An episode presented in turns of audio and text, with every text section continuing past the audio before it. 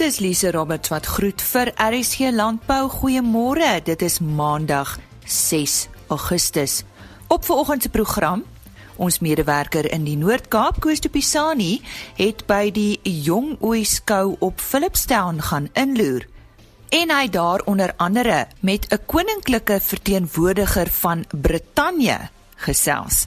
Lindy Strubel van die Produce Marketing Association praat oor die varsprodukte waardeketting. Dis Maandag en dit beteken veilingnuus en ons hoor ook van FNB Landbou wat hulle betrokkeheid behels by vanjaar se Alpha Expo. Ons sluit nou aan by Koos de Pisani, ons medewerker in die Noord-Kaap, en hy het tydens die Jong Ooi skou op Philipstown met een van die sprekers gesels, 'n bekende in die wolbedryf. Herman Nigo is die genomineerde uh, direkteur van Cape Wools en hy was ook die uh, voormalige ondervoorsitter van NWKV. En tydens 'n uh, jong ooi skou op Philipstown het hy met die marineboere gesels oor die stand van sake in die internasionale wolbedryf. En ek het hom uitgevind waar staan Suid-Afrika in terme van ander uh, lande se wolbedryf. Ehm um, Herman, die afgelope 2 jaar was die wolboere in 'n baie gunstige posisie. Is dit nog steeds uh, 'n uh, gunstige posisie of moet die manne begin bekommerd raak? Ja, ek is seker van dit ons is nog ons is nou in 'n gunstige posisie. Die tendense is nog steeds baie positief tydens die internasionale ehm um, kongres wat ons gehad het in Hong Kong het dit net weer vir ons gedui dat die die vraag is geweldig goed in die buiteland. En ja, ons ek, in die verwagting is dat die die huidige goeie pryse wat ons sien ten minste daar gaan bly vir vir 'n tyd en dit uh, in die komende seisoen is ons baie positief oor die wolbedryf en dan wolpryse en ons is ook positief oor die produksie wat ook na die droogtes behoort dit te draai dat ons produksie ook gaan toeneem in Suid-Afrika die internasionale vraag na wol, is dit op hierdie stadium nog goed? Dit is eintlik uh, baie interessant en baie opwindend vir Suid-Afrika. Ek dink ons is in 'n baie baie gunstige posisie. In die eerste plek met die goeie kwaliteit wol wat ons het. Um, ek kan vir u sê dat uh, tans produseer Suid-Afrika tussen 2 en 2.5% van die wêreld se wol. Maar dan as jy gaan kyk na die kwaliteit en jy meet dit aan die, ons wol wat in die In die Engels is dit apparel wool, dit is jou wol wat in kledingstukke ingaan en daarin verwerk word. Internasionaal is hierdie klein bietjie relatiewe klein bietjie wol wat ehm um, ingaan in hierdie in hierdie segment van die mark, is dit amper 30% wat hierdie relatiewe min of 2 2.5% wol ingaan uh in daardie sogenaamde apparel wool om die Engels te gebruik. Terwyl Australië dan die res voorsien dan praat ons onmiddellik van kwaliteit. As jy praat van apparel wool, dan praat jy van kwaliteit want dit is 'n sekere lengte, 'n sekere fynheidsgraad en 'n kwaliteit wat op baie skape is wat jy afskeer wat in hierdie hoë waarde produkte ingaan.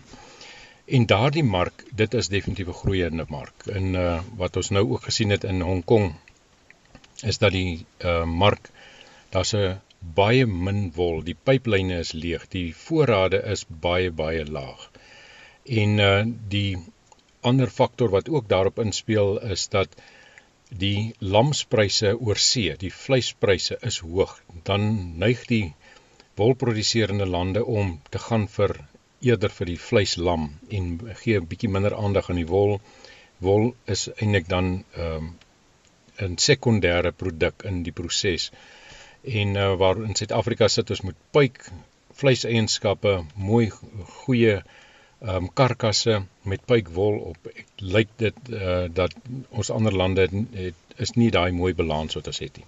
So die vraag is baie goed en ook die feit dat ons hoë kwaliteit het, gaan daai vraag ehm um, na ons Suid-Afrikaanse wol mits ons sorg dat ons kwaliteit goed is en dit nie besoedelde wol is wat ons aanbied nie, gaan ehm uh, gaan ons vraag goed wees. Maar dit blyk ook dat die die Chinese mark, dit is 'n absoluut groeiende mark tussen 30 en 40 miljoen Chinese raak ja eh, jaarliks groei hulle uh, finansiëel in die sogenaamde middelklas in.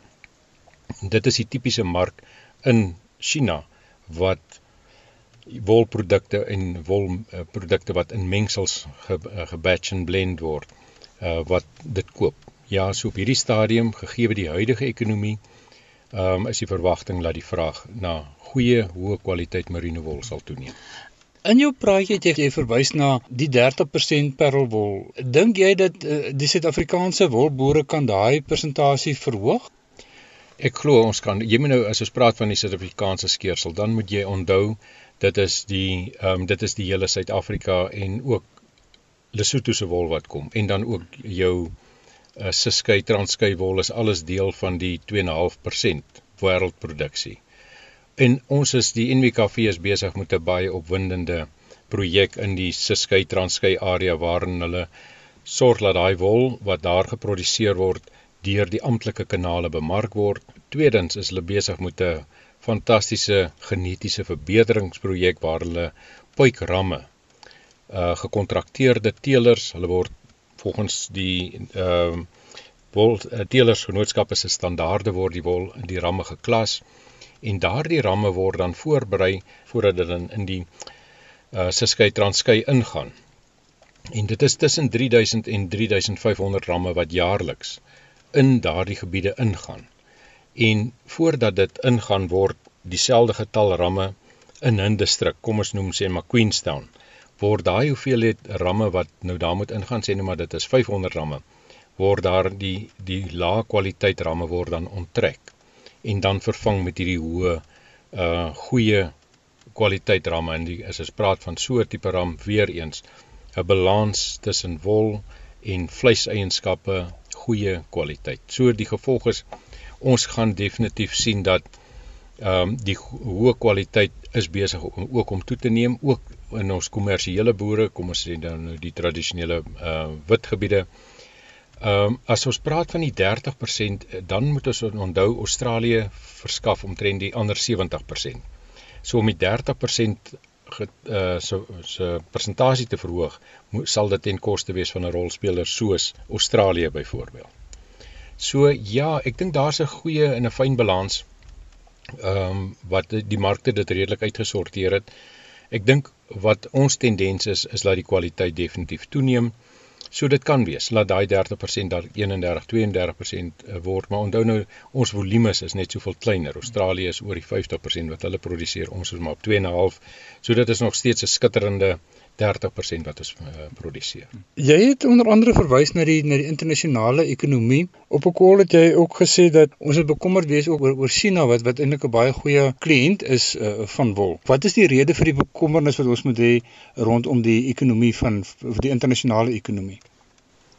Ek dink nie op hierdie stadium hoef ons nou al bekommerd te wees nie. Ek dink dit is meer 'n geval van Die huidige vraag is daar die betaalvermoë van die lande is die is is daar. So ek dink nie ons gaan nou uh, daardie nou onmiddellike insinking sien in in pryse of vraag en die tipe ding. Ek dink die ekonomie is is sterk. Dit is in gegeewe dan die die skuif na jou middelklas veral in China. Ehm um, ek dink dit is baie positief in 'n in 'n baie uh, soliede basis. En tans is uh China is 'n koper van die grootste koper van die Suid-Afrikaanse wol van kom ons sê tussen 70 en 75% van die totale skeersel uh, koop hulle. So dit is in enige besigheid is is daar is dit 'n risiko as jy een so groot rolspeler of wat 'n koper is, maak jy ook nie net in die wolbedryf nie in enige besigheid is dit 'n ris risiko wat jy het dat as ehm um, dinge afneem, uh, die ekonomie verswak of wat die geval ook al is, dan is dit 'n groot koper wat 'n redelike impak in die in die bedryf en die internasionale bedryf kan hê, maar dan meer nog in Suid-Afrika soos ek sê tot uh, 70-75% is die Chinese uh, wat die hoeveelheid wol uit Suid-Afrika uitvat. Ek kyk maar net 3 na 5 jaar in die pad af. Die regering van China kan begin besluit om te sê ehm um, hulle gaan minder wol aankoop en dit is eintlik maar wat ek maar net sê hou dit in gedagte. Moenie beplan op net 'n stygende wolprys nie. Ons is almal baie positief oor die wol en die wolproduksie en ons het 'n passie vir wat ons mee besig is. Pryse is goed, kwaliteit is beet is goed en dit is besig om te verbeter. Maar ek dink my waarskuwing was ook ehm um, vir myself en vir die boere is om te kyk na jou skuldvlakke. Hou dit onder beheer. Moenie ehm um, kontantvloeie opstel op net op die huidige pryse met net 'n verwagting van hy groei met 18-20% per jaar uh, wat ons nou hierdie afgelope tyd gesien het nie. Ek dink net ons moet maar net sorg dat dit wat jy mee besig is hou jou skildvlakke onder beheer in daardie kudde van jou. Sorg dat dit 'n hoogs produktiewe kudde is. Produktief in terme van vrugbaarheid, goeie besetting, 'n hoë kwaliteit wol, sorg dat jou skaap goeie balans het, wol, bouvorm, vleis, al daai tipe dinge, sodat jy jou generator in hierdie tyd van voorspoed uh wat ons wolboere um, tans beleef van hoë vleispryse, goeie wolpryse, sorg dat jy daardie generator van jou net nog 'n hoër rad kry vir sou die pryse sak, um, dan is jy net in soveel beter posisie. Dis Herman Nico wat so gesels. Ek is Koos de Pisani vir RC Landbou op Philipston. En later in die program gesels hy met Pieter Ackroyd, soos ek genoem het. Hy is 'n verteenwoordiger van die Koningshuis en hy gesels onder andere oor die rol van wol in die modebedryf. Nou eers vertel Dawie Marie van FNB Landbou vir ons wat hulle betrokkeheid behels by verjaar se Alpha Expo. Goeiemôre Lise. Ja, dit is natuurlik belangrik vir FNB Landbou om betrokke te wees in in die landbousektor deur borskappe onder andere. Uh en natuurlik het Alfa is en is besig om verseker die belangrikste uh vee skou te word in Suid-Afrika en daarom omdat die veebedryf belangrik is vir ons in die in die banksektor ook. Dit is natuurlik belangrik vir ons om betrokke te wees daarbey. Nou vir ons by die bank gaan dit ook nie net oor landbou nie. Ons is baie nou betrokke by die by die jeug, die landbou jeug. Dit daarom dat ons ons betrokkeheid verder uitbrei na die jeugstigting toe uh, en natuurlik ook aan die landbou skole wat betrokke is by Alfa. Uh, daar's 'n hele aantal landbou skole wat kom uitstal daarso en natuurlik van hulle beeste en skape uh saambring uh, om om deel te vorm van die Alfa jeugskou. Uh, en, en hier is ons ook nou betrokke by die jeugontwikkeling in landbou. Want landbou gaan nie net oor boerdery en en om om op boer by plaas te wees, dit gaan ook weier as dit. Uh die hele week rondom dit en ek dink dis hoekom dit vir ons belangrik is om landbou skole toe ook te ondersteun om daardie bewustheid van die breë landbou gemeenskap te kweek uh, by ons leerders. Die stem daar van Dawie Marie van FNB Landbou en die Alpha Expo word vanaf 18 tot 20 September by die Afridome in Parys aangebied. Lindy Stroebel van die Produce Marketing Association in Suidelike Afrika of die PMA soos ons dit beter ken, het tydens 'n onlangse konferensie gesê boere en ander rolspelers in die bedryf is nie altyd bewus van wie regtig die broek dra in die landbouwaardeketting nie. Nou sy gesels ook nou vanoggend met ons hieroor en dan so 'n bietjie later praat ons weer oor hulle Fresh Connections geleentheid wat in Augustus maand plaasvind. Lindy wie is die groot rolspelers in die landbouwaardeketting? Eintlik 'n hele verskeidenheid van elke persoon of rolspeler um, deur die waardeketting wat die produk na die volgende skuif gaan. So, weet jy die groot rolspelers hang af van wie die grootste verantwoordelikheid dra. Um, want ons aan die einde van die dag is dit ek en jy wat 'n um, ehm, ons rand spandeer op daai produk of 'n uitvoerproduk, daai euro of dollar of yen wat op daai produk spandeer is en daai daai geld word dan effektief verdeel aan tussen al die um, rolspelers terug in die waardeketting. So elkeen speel sy verantwoordelikheid en elkeen is 'n groot rolspeler om dit te kan bewerkstellig. Het boere dan enigsins die vermoë om die mark te beheer, Lindy? Ons sien in die varsprodukte baie um, verskillende uh, scenario's as jy wil, um, op, op daai antwoord want aan die een kant ja, definitief die boere wat 'n 'n groot verantwoordelikheid neem om daai produk um, vir die vir die verbruiker te lewer in die vorm en die kwaliteit en die standaarde, ehm um, die volgehoue ehm um, aanbieding van die produk, al daai tipe goed. Die boere wat dit kan doen, betree regtig 'n groter rol en 'n groter verantwoordelikheid en dan is soos wat jy nou sê, het 'n groter markandeel en 'n groter beheer daarin. Ehm um, as wat 'n boer wat bloot net die produk na die volgende um, persone in die waardeketting aanskuif en dan effektief eintlik homself marginaliseer.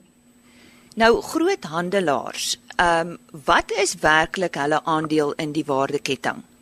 Kyk, die vraag is weer eens watter risiko dra hulle en ehm um, wat om om te regtig te kan antwoord wat is die aandeel wat hulle het. Want as ek en jy 'n vrot appel in 'n pakkie koop, is ons nie kwaad vir die boer nie. Ons is kwaad vir daai kleinhandelaar of supermark ehm um, by wat ons dit gekoop het.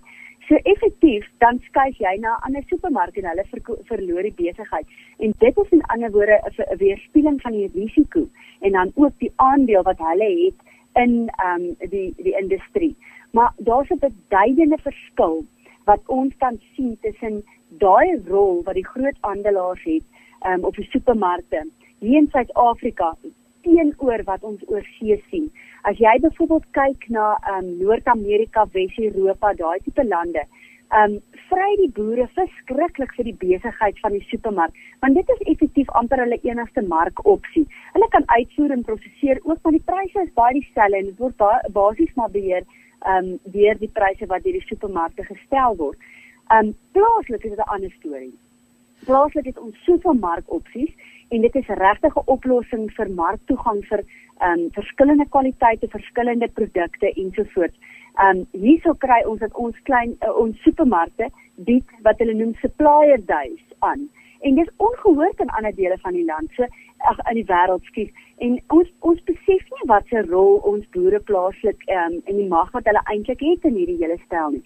Dit sê nou spesifiek as hulle die mas kan opbring in terme van hulle prys, hulle kwaliteit, die produk en die standaarde. Ons het ongelukkig baie veral in die groente-industrie baie geval waar ehm um, boere nie die moeite sal doen om akkreditasie en daai tipe ehm um, standaarde te behou nie. Ehm um, alhoewel dit 'n goeie produk is, maar dan kan hulle nie verwag hulle gaan daai tipe pryse kry as hulle daai tipe ehm um, eh uh, ehm uh, um, versekerings as jy wil vir die produk kan bied nie. Nou jy het so 'n bietjie aan die res van die wêreld geraak, maar hoe vergelyk ons landbouwaardeketting met die van ander lande? Hierdie opsies wat ons het, maak dit nogal anders. Jy kan dit opsom omtrent 5 ehm um, uh, plekke waar jy varsprodukte kan verkoop. Jy kan kyk na die ehm um, uitvoermark, ehm um, die prosesseringsmark, jy kan kyk na die plaaswerkmark en dan die ander twee is die formele kleinhandelaars en dit is byvoorbeeld wat die die oorseese mark baie op beperk is. Dit is omtrent alwaarna hulle regtig kyk en dan die ander een wat ook noemenswaardig is is dan via ons vasprodukte markte. En daar het jy 'n baie verskeidenheid kopers. Jy het van jou formele supermarkte tot jou ehm um, jou hokkers en jou spaza shop ehm um, eienaars. En dit is nogal baie uniek wat ons het en 'n baie groot voordeel wat ons moet koester vir ons luisteraars wat nou eers by ons aangesluit het, ons gesels met die hoofbestuurder van PMA in Suidelike Afrika, Lindy Stroebel. Nou Lindy, julle het nou eersdaags in Pretoria 'n groot geleentheid, die Fresh Connections geleentheid. Wat behels dit as ons net weer ons luisteraars se geheue kan verfris want ons het so tydjie gelede met jou hieroor gesels. Ja, Lize, hierdie is 'n baie opwindende um, geleentheid wat ons aanbied. Ehm um, dit is seker die geleentheid wat die meeste van ons lede bymekaar kom en ehm um, waar ons dan die toekoms van alles bespreek. Dis 'n 2 dag konferensie. Ehm um, die die dis die 15de en die 16de Augustus.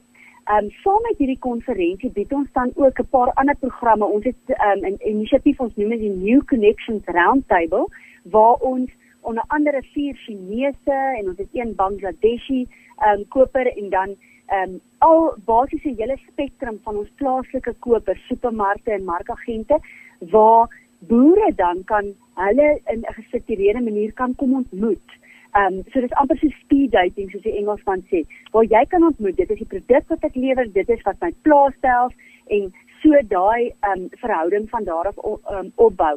En saam met dit het ons ook 'n paar ons noem dit ons talentportefeulje Ons het 'n vroue geleentheid, die middagete het ons spesifiek saam met um, advokaat Tuli Madonsela waarna ons baie uitsien.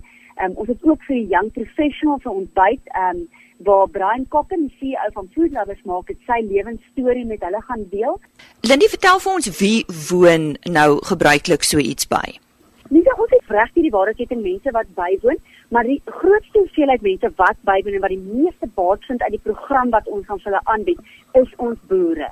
Dis die boere, varsprodukte, vrugte en groenteboere en dan spesifiek ook die uitvoerboere. Want ons bied vir hulle die geleentheid om te leer waaroor gaan die mark en dit is so groot beperking vir baie boere. Hulle verstaan nie die die handelskant wat na die verbruiker toe gaan nie. So ons het baie elemente daarvoor. Ons het 'n hele paneel van ons plaaslike um, kleinhandelaars wat gaan praat oor die belangrikheid van die varsindustrie. Um, ons het byvoorbeeld uh, Whitey Bason wat die uh, voor uh, uh, afgetrede CEO van Shoprite is wat ook praat oor die toekoms. Ons ons kyk ook na die ander markkanale. Ons kyk na Afrika, ehm um, markstrategie en dan vir die uitvoerders, ehm um, uh, omdat baie van hulle bywoon, bied ons baie waarde vir hulle. Ons het 'n hele paneel Chinese ehm um, kleinhandelaars wat hier gaan wees wat eerstehands met ons gaan deel oor wat is die behoeftes en wat gaan aan in die Chinese mark. So dit is die belangrikheid en dit is waar die meeste waarde inkom en dis hoekom die meeste boere um, bywoon by hierdie geleentheid.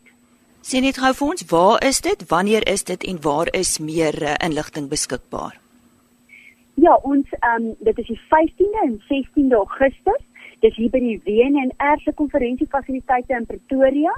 Ehm um, en ons kan op ons ehm um, webwerf kan mense nou kyk. Ek sal nou die webwerf gee en kan ook vir my e-pos. My e-posadres is lstroebel l s t r o e b e l @pma.com. En dan ons webwerf is um uh, www.pma.com en dan fresh uh, fresh connection southern africa. Ons sien ons het gesels met die hoofbestuurder van PMA in Suidelike Afrika, Lindie Stroebel. Volgende aan die woord Henny Maas. En nou kan ons luister na so 'n paar veilinge wat uh, plaasvind op die 7de Augustus is die 18de Wisp Wool produksie veiling Simbra en Simmentaler by die plaas Wisp Wool Arlington in die Vrystaat. 50 bulle, 50 kommersiële verse en 50 stoetverse word deur Vleis Sentraal opgeveil. Die sentrale limousine Bultjellers groep veiling vind op die 8de Augustus plaas by Doringspruit Kroonstad 270 limousine beeste word opgevuil deur BKB Louet. Marits Bovelder en Boshoek Bovelder veiling vind op die 8ste ook plaas by Boshoek Memel.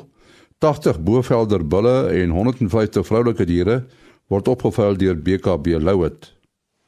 Die eerste nasionale Wagyu veiling vind op die 8ste Augustus ook plaas by Parys se Afridome in die Vrystaat. BKB Louet is die afslaers. Die 33ste nasionale breingus veiling vind op die 9de Augustus plaas by Harry Smit in die Vrystaat. 80 manlike en 20 vroulike diere word deur BKB Louet opgeveil. Die 26ste Mielieboere Bonsmaras produksie veiling vind op die 9de Augustus plaas by Hopefield Viljoenskroon. 45 bulle, 250 kommersiële vroulike diere word uh, opgeveil deur GWK en Mike Galassie. Op 10 Augustus is daar uit die flesveiling in die Parys Country Club. Dit is in Parys natuurlik in die Vrystaat. BKB Louet is die afslaers. Hugo Dormer se prestigeveiling vind op die 7de Augustus plaas by die Kroon Boma Kroonstad in die Vrystaat. 50 ramme, 40 SP oeye en 30 kommersiële oeye word deur BKB Louet opgeveil. Tot sover dan veilingnuus. 80085 Dankie Henny en soos beloof ons volgende bydra vanaf Koos Topisani by die Jong Ooi skou op Philipstown. Tydens die Jong Ooi skou wat op die plaas Vrede in die Philipstown omgewing plaasgevind het, was meneer Pieter Ackroyd uit Brittanje een van die gassprekers. Hy het gesels oor die wolbedryf en die rol wat wol in die modebedryf speel. Ek het met hom gesels oor hulle veldtog om wol te promoveer oor die hele wêreld. Mr Ackroyd, You are the president of the IWTO and the COO of the Campaign for Wool, and you do a lot for uh, wool growers in the international arena. What exactly does this campaign entail? The campaign and the International Textile Organization's work entails highlighting the environmental credentials of wool to show consumers and to show buyers that wool is environmentally friendly, it's natural, it's sustainable, it's biodegradable and to emphasize that at all stages in this in the in the supply chain. And and what is the vision and the mission of of this uh, campaign? It is to educate consumers via retailers and via designers and brands that wool is the natural sustainable choice in fashion. If you buy wool, you are not in any way damaging the environment because your wool garment will firstly last longer um, it's buy less, buy well. And secondly, it, when it does end its life, it biodegrades and goes back into the earth and actually enriches the soil. So it's a pure ecological thing. It goes full cycle. And I don't think there's enough knowledge, certainly in the wool, in the fabric and yarn buying community globally, that knows these things. And you've got to push all the information out. There's, um, as we say, there's too much information and not enough knowledge. Uh, you also referred to this Dumfries House Wool Declaration. What does that entail? It's um, a series of, um, of, principles that the wool industry agrees to abide by throughout the supply chain. Um, it talks about the life cycle analysis of wool. It talks about, in, importantly, the five freedoms of, of, of, of animal welfare that are set out by the OIE, the animal the animal welfare organization based in based in Geneva, um, part of the World Trade Organization. It's a document that enshrines in many ways the legislation in the wool growing countries about wool production. But it has several points in it about wool, and uh, it's a quality assurance. It's a it's an ecological um, document which uh, we think is um, is the, is the right way to educate buyers of fabric um, people who are working in department stores who actually buy the fabric to go into the garments. We want them to know the commitment that the wool industry has made globally to environmental excellence. And, and do you have any success with that? Yes, we've got about 560 signatories, of which are the, some of the major brands in the world. Uh, it's online. You can look at it. You, you, you can see who's signed and, and, and well signed up to it. You don't actually do a physical signature. You press a button and say, "I agree with the principles." It's there and it's Prince Charles's idea. The Prince of Wales is it's, it's his idea uh, to promote the ecological benefits of wool. But it's also Prince Charles's idea to promote the the, the life and the well-being of a farmer. He has very strong views on how the uh, rural environment must be protected globally. Um, and Prince Charles is not uh, is not frightened of saying what he thinks, but certainly support for the farmer, certainly support for the uh, rural environment is one of his top priorities. Um, added to which he has his priority about environmental excellence and not buying things that damage the planet. Now, uh, talking about the, uh, the, the farmer and the environment, um, what can an individual uh, wool grower do to stay part of the uh, international game? I think they've got to be aware of where their wool is going. The more farmers can learn about how it goes on a journey from farm to a store is important and be prepared for questions to be asked from retail about what you do on farm. It's not dissimilar to the story about cheese. In, in the UK, every cheese that's sold in Marks and Spencers comes from a specific farm, and the retailer is very proud to say that it comes from a farm. Questions are going to be asked here in South Africa: oh, where does that next to skin knitwear come from? And be prepared to open the farm gate, be prepared to describe how things happen on farm because there's a lot of ignorance. People that control fashion were born in the cities. Some don't even know that wool comes from a sheep. So there's a lot of education to be uh, uh, to put out. But I think the future is very good. There is a growing demand for merino, a growing demand for finer wools, and there's a, a population that really does know what it's talking about. People are learning more. The young people are asking all sorts of questions because of what they what they see online. It's extraordinary. What is your uh, message to the wool growers of South Africa? I would say stay stay with it. Enjoy what you do. I'm delighted that you're getting prices which uh, encourage you to expand your businesses. Uh, the world of fashion, and indeed the world of interiors, is wanting wool. Um, we've gone down to 1.2 percent of global total fiber production, which when I was much younger it was 8%. So we have a lot of a lot to gain. But I think there is a momentum there amongst what we call discerning consumers that want to buy something which they can sign off as being ecologically friendly and wool uh, merino from South Africa provides it. Dit was meneer Pieter Eckroyd wat op Philipstown met die boere gesels het. Ek is Koos Pisani vir RC Landbou op Philipstown. Ons sê baie dankie aan Koos de Pisani en dit is dan ook die einde van vandag se program. Ons kuier weer môreoggend graag saam met u vir RC Landbou net so skuins na 05:30. Totsiens. RC Landbou is 'n produksie van Plaas Media. Produksieregisseur Henny Maas. Aanbieding Lisa Roberts. En inhoudskoördineerder Jolandi Root.